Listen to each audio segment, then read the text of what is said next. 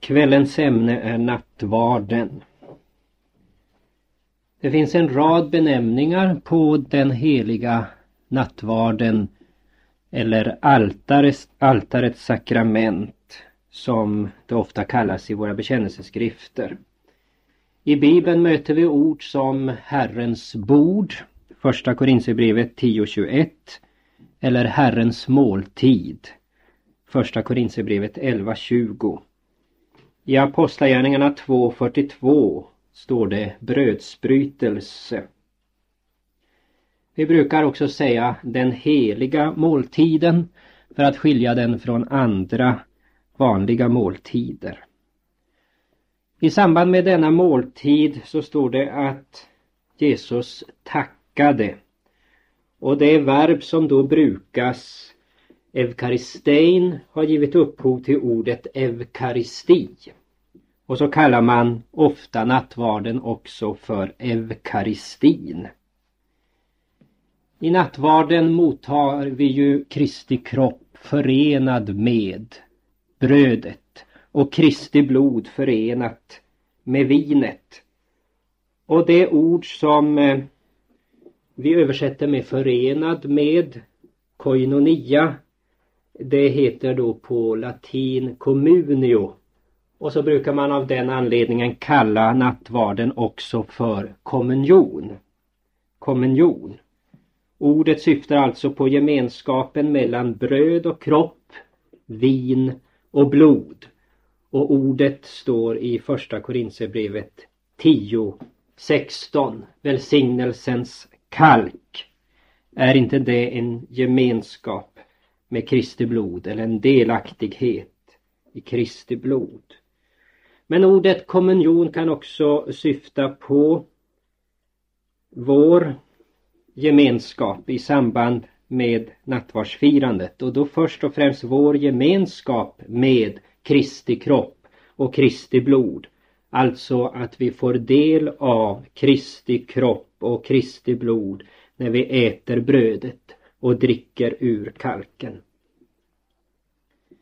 Så här läser vi i våra bekännelseskrifter, Concordieformen. Inte bara den kalk som Kristus vid den första nattvarden välsignade och det bröd som han bröt och utdelade utan även det som vi bryter och välsignar är en delaktighet av Kristi lekamen och blod. Så att alla de som äter brödet och dricker kalken i sanning mottar och blir delaktiga av Kristi sanna lekamen och blod. Det är artikel 7, stycke 54. Våra bekännelseskrifter brukar också termen mässa. Vi har ju ordet högmässa. Eller bara mässa, latinska missa. Och det är en term som förmodligen har sitt ursprung i det bruket i den tidiga kyrkan att sända bort från nattvardsgudstjänsten dem som ännu inte hade rätt att ta del av sakramentet. Sända bort heter just missa. Termerna eukaristi och missa eller mässa brukas ju i synnerhet inom den romersk-katolska kyrkan. Nattvarden är en gudomlig och en permanent bestående instiftelse. Eftersom det mänskliga förnuftet inte kan fatta vad Bibeln lär om detta sakrament så bör vi med en gång betona att det är Guds son Jesus Kristus som har instiftat denna nattvard. Och hans ord är tydliga. De uttrycker vad han har menat. Och de ska tas emot precis som de står utan omtolkningar. Även om inte vi kan fatta hur brödet och vinet kan vara Kristi sanna kropp och blod så bör vi komma ihåg att han som instiftade detta sakrament, Guds son, förmår göra långt mer än vad vi kan tänka som det står i Efesierbrevet 3.20.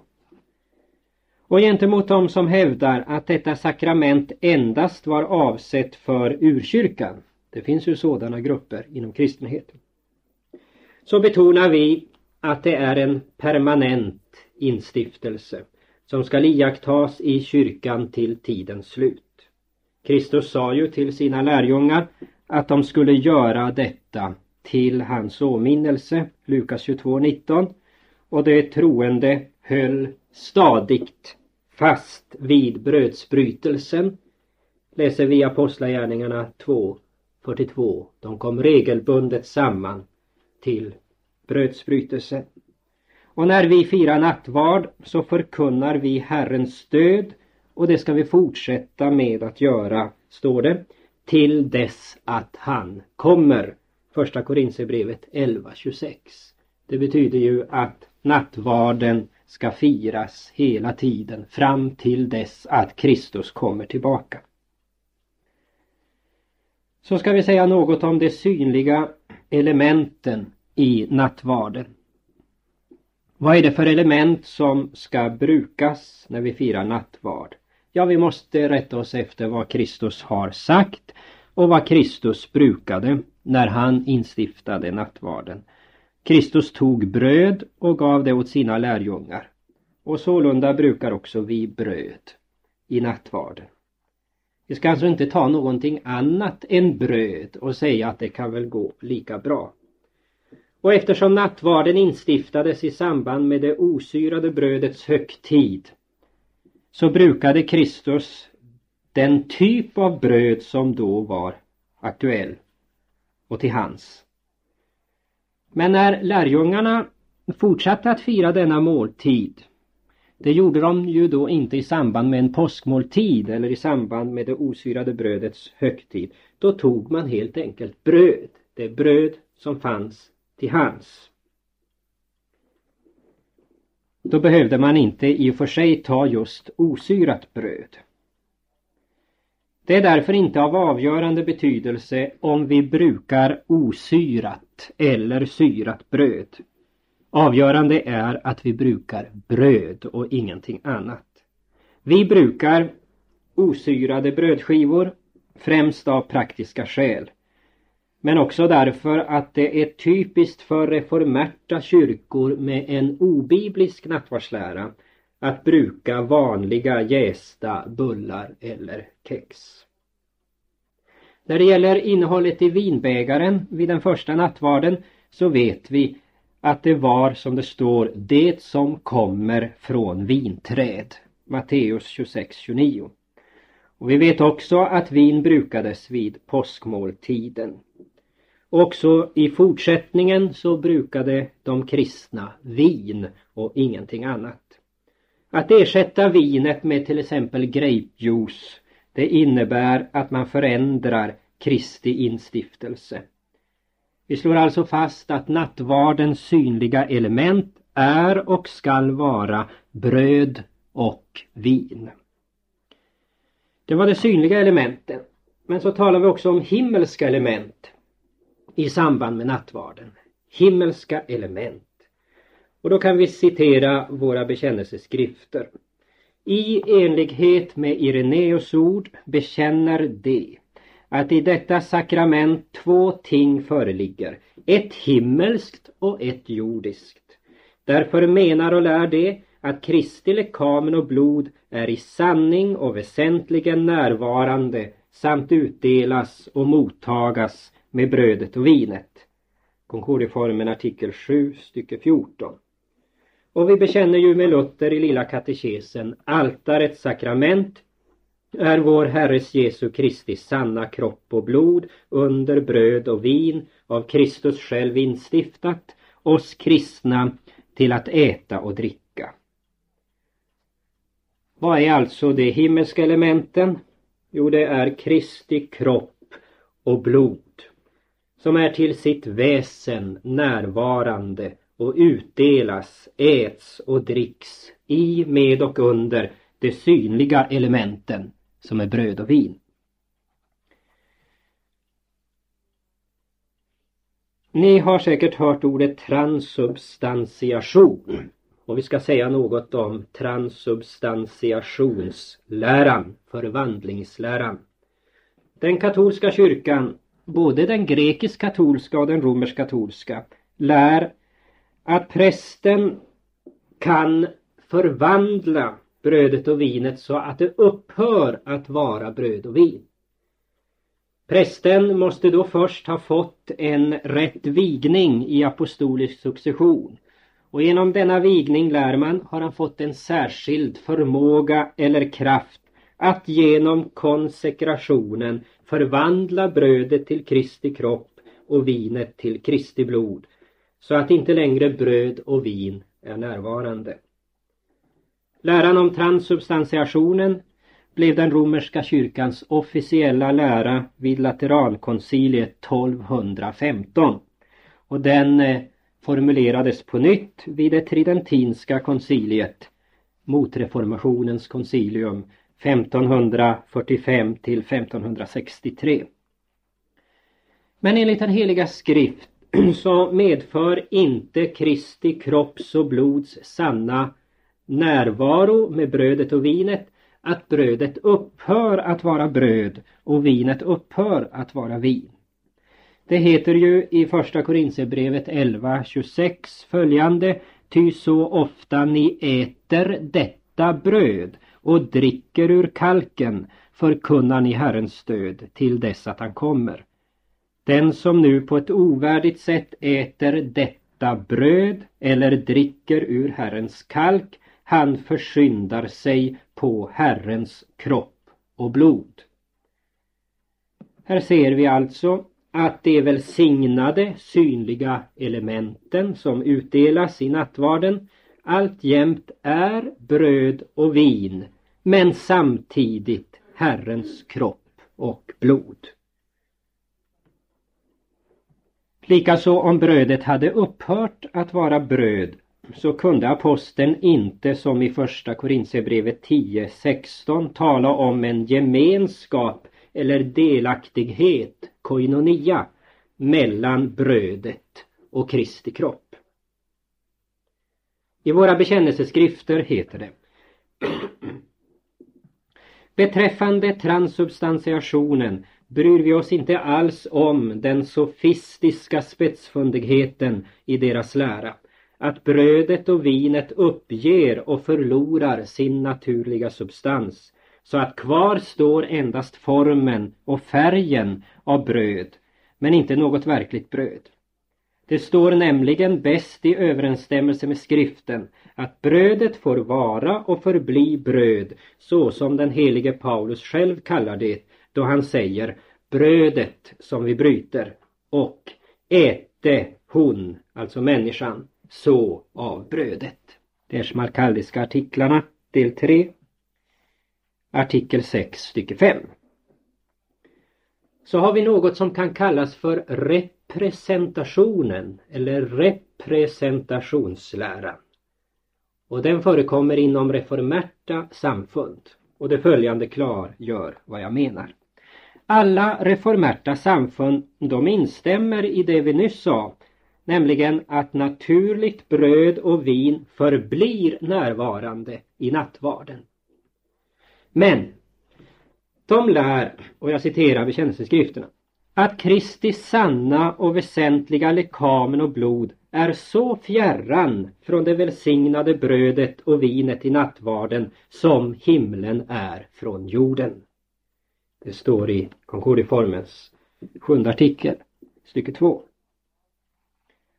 På grundval av den rationalistiska tanken, och det är ju typiskt för mycket inom den reformerta kyrkan att man formulerar läror utifrån förnuftet, utifrån rationalistiskt tänkande. Och det är utifrån ett sådant tänkande som man kommer fram till att en kropps egenskap är sådan att den måste inta en enda plats och ha sin särskilda form och storlek. Och då måste man ju dra den slutsatsen att det är omöjligt för Kristi kropp som har uppstigit till himmelen att till sitt väsen vara närvarande i nattvarden. Och det är så man resonerar. Av det skälet så uppfattar den reformerta kyrkan instiftelseorden på ett symboliskt sätt man menar att det är nödvändigt att uppfatta dem så. Man läser instiftelseorden som om de sa att brödet och vinet endast betecknar eller representerar Kristi frånvarande kropp och blod. Men inget enda av dessa ord, detta är min kropp, kan tas i en symbolisk mening. Ordet detta kan inte syfta på något annat än det bröd som Kristus gav åt sina lärjungar. Ordet är kan aldrig tas i en överförd eller symbolisk mening så att det skulle betyda representerar eller betecknar. Är förblir alltid är och ingenting annat. Man har hänvisat från reformärt håll till Jesu övriga ord Jag är dörren eller Jag är vinträdet och ni är grenarna. Då svarar vi när Kristus säger att han är vinträdet, Johannes 15.5, så består bildspråket eller symbolen inte i ordet är, utan i ordet vinträdet. Kristus är verkligen för sina kristna vad vinträdet är för grenarna. Det är alltså inte så att Kristus betecknar bara, symboliserar för sina kristna vad vinträdet är för grenarna, utan han är verkligen för sina kristna vad vinträdet är för grenarna. Från honom får de näring och styrka. Och också när man pekar på ett, ett, eh, en tavla eller ett fotografi och säger detta är min pappa. Så är det inte ordet är utan ordet detta som brukas i överförd eller symbolisk mening.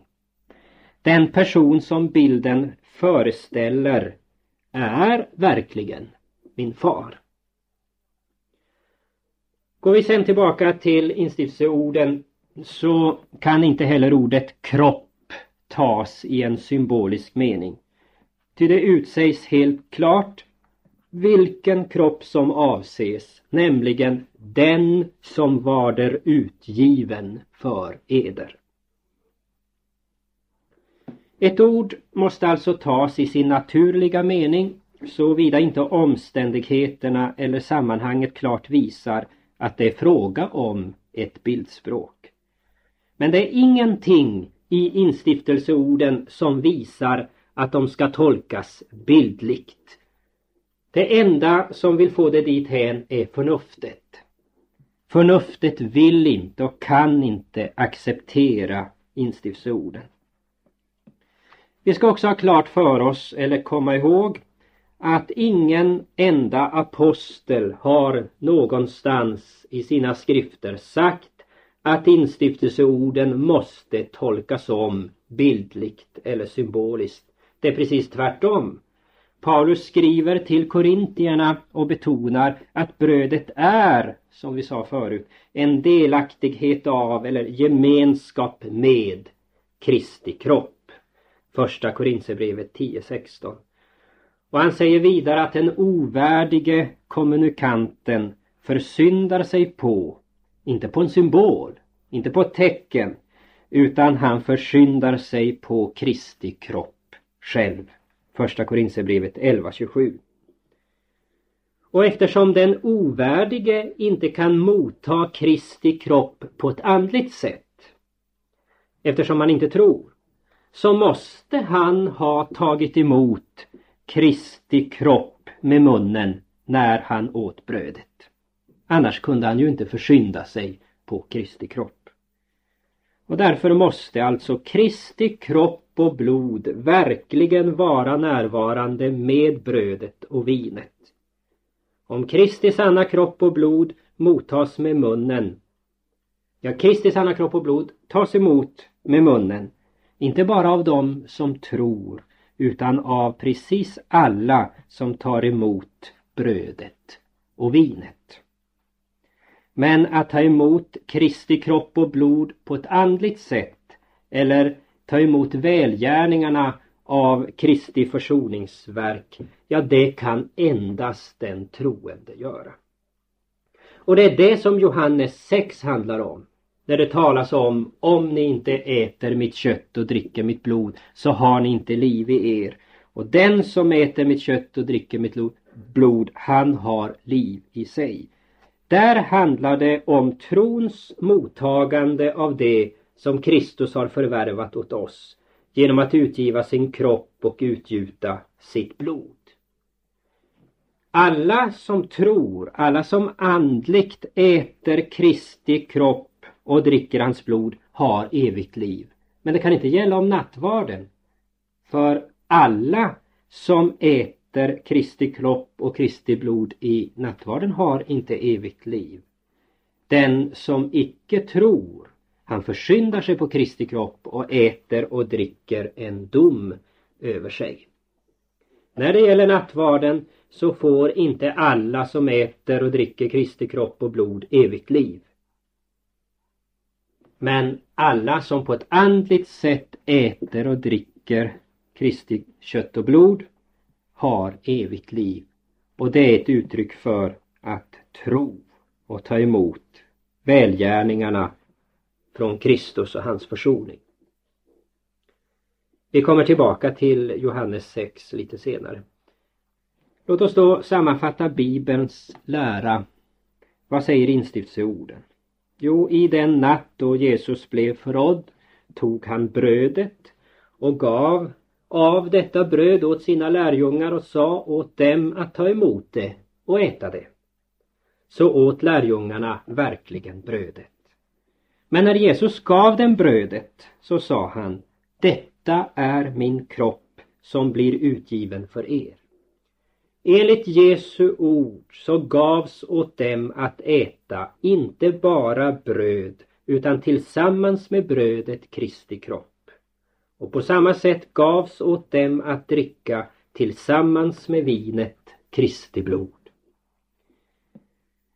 Och att apostlarna verkligen inte tolkade om Jesu ord på ett rationalistiskt sätt utan accepterade deras enkla och naturliga mening det framgår av första Korinthierbrevet 10.16. Välsignelsens kalk över vilken vi uttalar välsignelsen är icke den en delaktighet av Kristi blod. Brödet som vi bryter är icke det en delaktighet av Kristi kropp.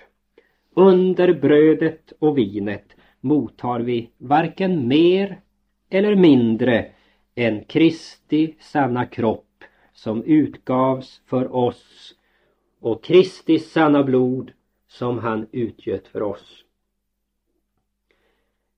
När det är så här enkelt och klart så är det ju underligt att nattvarden, ska man kalla det kanske enhetens sakrament, har betytt så mycket splittring. Och det finns så många olika skilda läror om detta sakrament. Därför måste vi ställa frågan, vilken kyrka har Herrens sanna nattvard?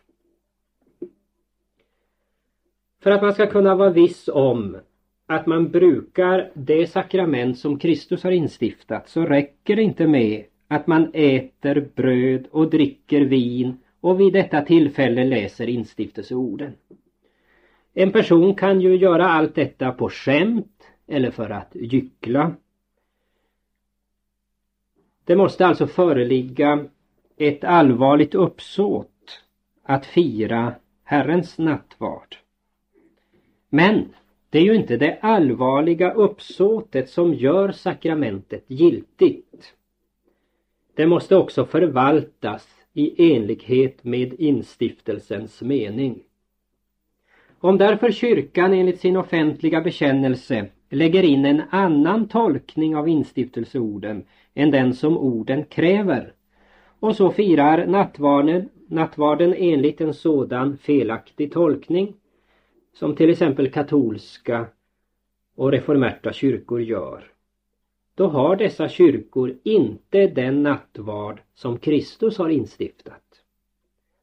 Vår bekännelse säger om man icke håller Kristi instiftelse så som han förordnat den föreligger intet sakrament. Konkordieformen artikel 7 stycke 85. Sakramentet, säger bekännelsen vidare, grundar sig icke på människans tro eller otro utan på Guds ord och instiftelse. Bara man icke tager sig för att först ändra och vantolka Guds ord och instiftelse så som de nuvarande sakramentsfienderna gör. Dessa har förvisso blott och bart bröd och vin, ty de har varken Guds ord eller instiftelse utan har förvrängt och förändrat dessa efter sin egen inbilskhet. Dessa ord av Luther citeras i Concordieformen artikel 7 stycke 32. Så ska vi säga något om den sakramentala föreningen. Den sakramentala föreningen. Det är fyra ting som är verkligen och i sanning närvarande i nattvarden. Det är bröd och vin och Kristi kropp och Kristi blod. Det är bara i nattvarden som en sådan förening äger rum. Och det är fråga om en övernaturlig förening. Det övergår vårt förstånd. Och det kallas därför för en sakramental förening. Bibeln förklarar inte hur denna förening kan gå till. Och inte heller kan vi förstå dess natur. Vi tror och bekänner den endast på grundval av Kristi ord. Inte på grundval av någonting annat. Till den av Kristus instiftade nattvardshandlingen hör, för att citera bekännelseskrifterna igen, konsekrationen eller instiftelseorden, utdelandet och mottagandet eller ätandet med munnen av det välsignade brödet och vinet, Kristi lekamen och blod. Utanför detta bruk eller denna handling är det inte något sakrament. Återigen artikel 7 stycke 85 till 87. Utanför sakramentets bruk heter det vidare då brödet lägges undan och förvaras i ett sakramentshus eller bäres omkring och visas i procession så som sker inom påvedömet anser det icke Kristi lekamen vara närvarande. Så lär vi enligt artikel 7 stycke 15. Det var den sakramentala föreningen. Och då måste vi ställa frågan, vad är det som åstadkommer denna unika förening? Denna sakramentala förening? Ja, vår bekännelse svarar Kristi lekamens och blods sanna närvaro i nattvarden åstadkommes icke av någon människas ord eller gärning. Varken prästens ord och förtjänster eller nattvardsgästernas ätande och drickande och tro utan bör helt och hållet tillskrivas Guds den allsmäktiges kraft och vår Herres Jesu Kristi ord, instiftelse och ordning. Ty Jesu Kristi sanna och allsmäktiga ord som han uttalade vid nattvardens instiftande var icke bara verksamma vid den första nattvarden utan gäller, verkar och har sin kraft alltfort så att i kraft av samma ord som Kristus uttalade vid den första nattvarden kommer Kristi lekamen och blod att vara i sanning närvarande, utdelas och mottagas överallt där nattvarden firas enligt Kristi instiftelse och hans ord brukas. Ty där man håller fast vid hans instiftelse, uttalar hans ord över brödet och kalken och sedan utdelar det välsignade brödet och vinet, där är Kristus själv genom de uttalade orden i kraft av den första instiftelsen verksam genom sitt ord som han vill ska upprepas.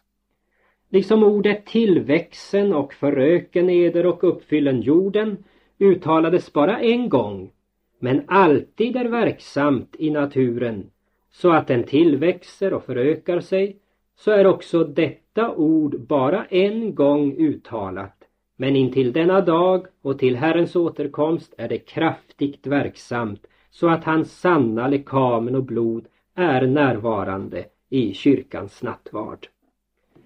Det var artikel 7 stycket 74 till och med 76.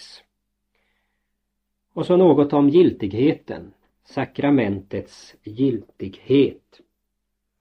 Eftersom det är Kristi ord som verkar eller skapar sakramentet så är dess giltighet inte beroende av prästens eller kommunikantens tro eller ogudaktighet. Tänk om det vore beroende av prästens tro som kommunikanten inte kan se. Då kan han ju inte vara viss om att det är en giltig nattvard. Tänk om prästen som står där och leder gudstjänsten och delar ut nattvarden åt mig i sitt hjärta inte har en sann tro. Det är den donatistiska villfarelsen att göra nattvardens giltighet beroende av prästens tro. Men giltigheten grundar sig inte heller på kommunikantens tro. Så här står det i bekännelseskrifterna. Ty för personens eller otrons skull blir icke det ord falskt genom vilket det har förordnats och insatts till att vara ett sakrament.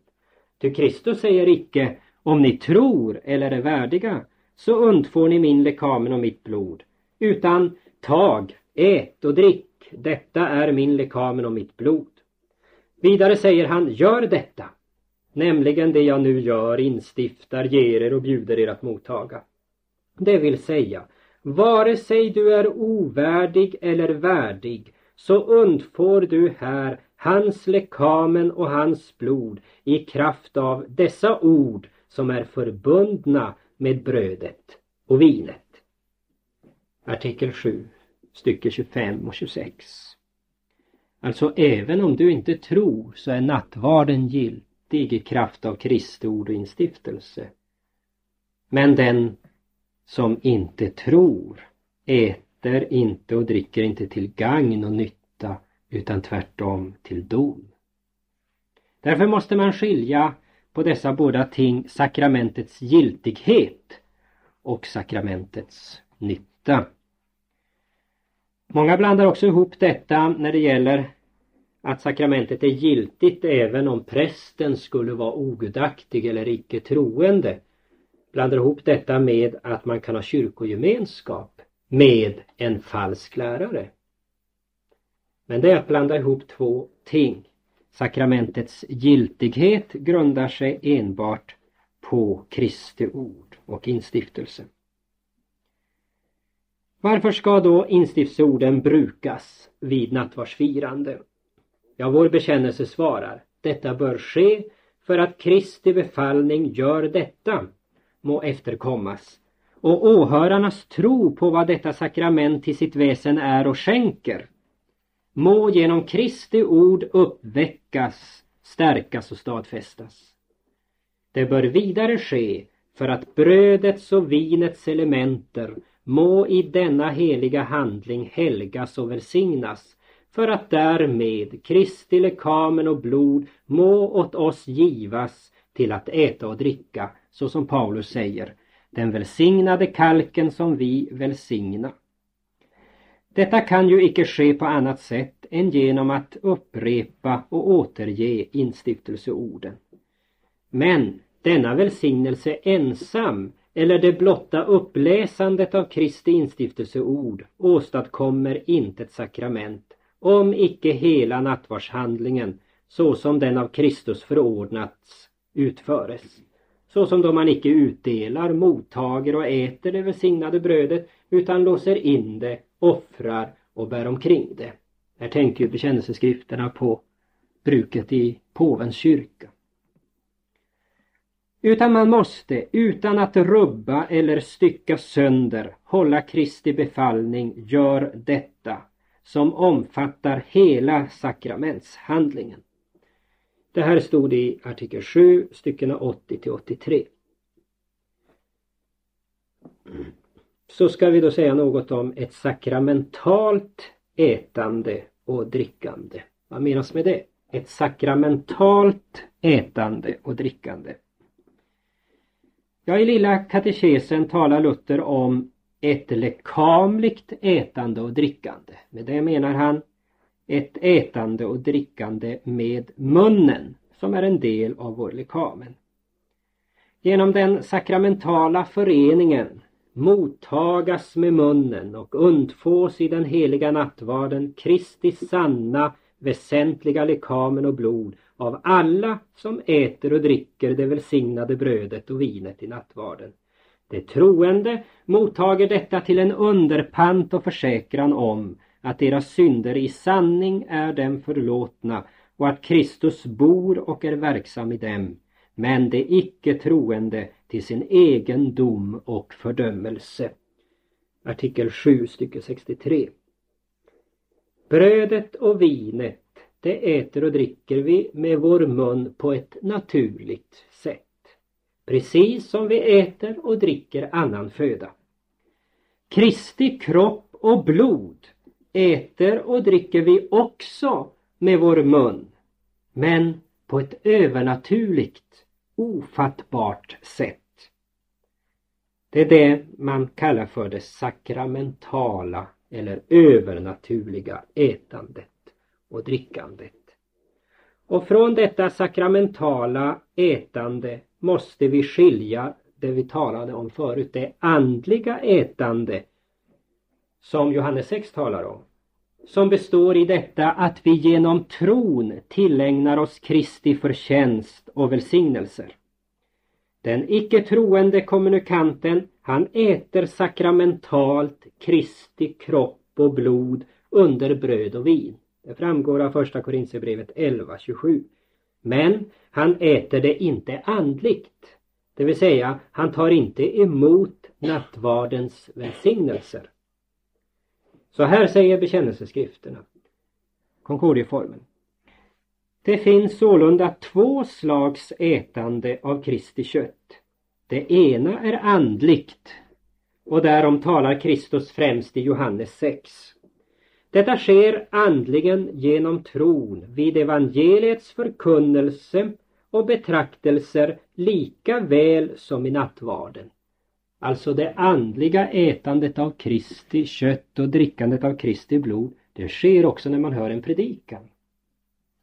Eller betraktar Guds ord och tar emot de gåvor som evangeliet ger. Det sker givetvis också i nattvarden när man i tro tar emot det som löftesorden förbundna med elementen ger. Och citatet fortsätter. Det är i och för sig nyttigt och gagneligt och för alla kristna i alla tider nödvändigt för saligheten, alltså det andliga ätandet. Ingen kan ju bli salig utan det andliga ätandet.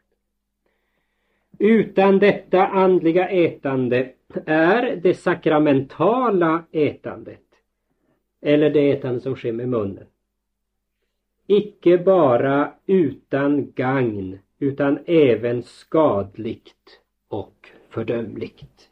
Man äter då och dricker en dom över sig. Detta är artikel 7 stycke 61.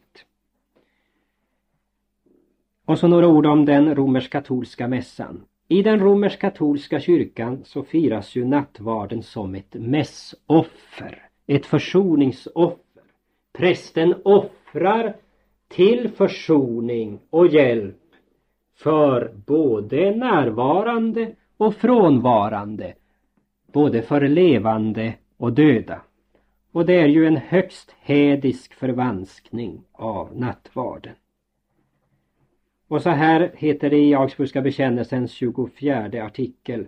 Om nu mässan utplånar levandes och dödas synder genom den yttre gärningens fullgörande så sker rättfärdiggörelsen genom mässans verk och icke genom tron. Detta är ej förenligt med skriften. Gör detta till min åminnelse, så säger ju Jesus. Om detta, gör detta till min åminnelse, står det i Augsburgska bekännelsens 24 artikel. Kristus befaller oss att fira nattvard till hans åminnelse. Därför är mässan inrättad för att tron hos dem som går till nattvarden ska påminna sig vilka välgärningar den mottager genom Kristus och upprätta och trösta det förskräckta samvetet. Ty att minnas Kristus det är att minnas Kristi välgärningar och förnimma att det verkligen tillbjudas oss. Och det är inte nog att ha de yttre händelserna i minne. Till dem kan även judar och ogudaktiga komma ihåg. Mässan bör för den skull firas i syfte att sakramentet där må bjudas dem som behöver tröst, så som Ambrosius säger, emedan jag oavlåtligt syndar behöver jag oavlåtligt mottaga läkedom. Så långt Augsburgska bekännelsen. Genom att fira nattvard påminner inte vi Gud om vad vi gör för att han ska förlåta oss våra synder. I nattvarden är det istället Gud som påminner oss om vad han har gjort och gör för att vi ska få syndernas förlåtelse. Och ikväll får jag då sluta med detta att nattvarden är ett nådemedel. Helt kort om detta. Orden för eder utgiven och utgjutet till syndernas förlåtelse anger vilka andliga välsignelser som ges oss i nattvarden. Dessa ord är, heter det i Lilla katekesen, dessa ord är i förening med det lekamliga ätandet och drickandet det väsentliga i detta sakrament och den som sätter tro till de orden han har vad det innehåller och lovar, nämligen syndernas förlåtelse. Det är löftesorden om syndernas förlåtelse som gör den heliga nattvarden till ett verkligt nådemedel.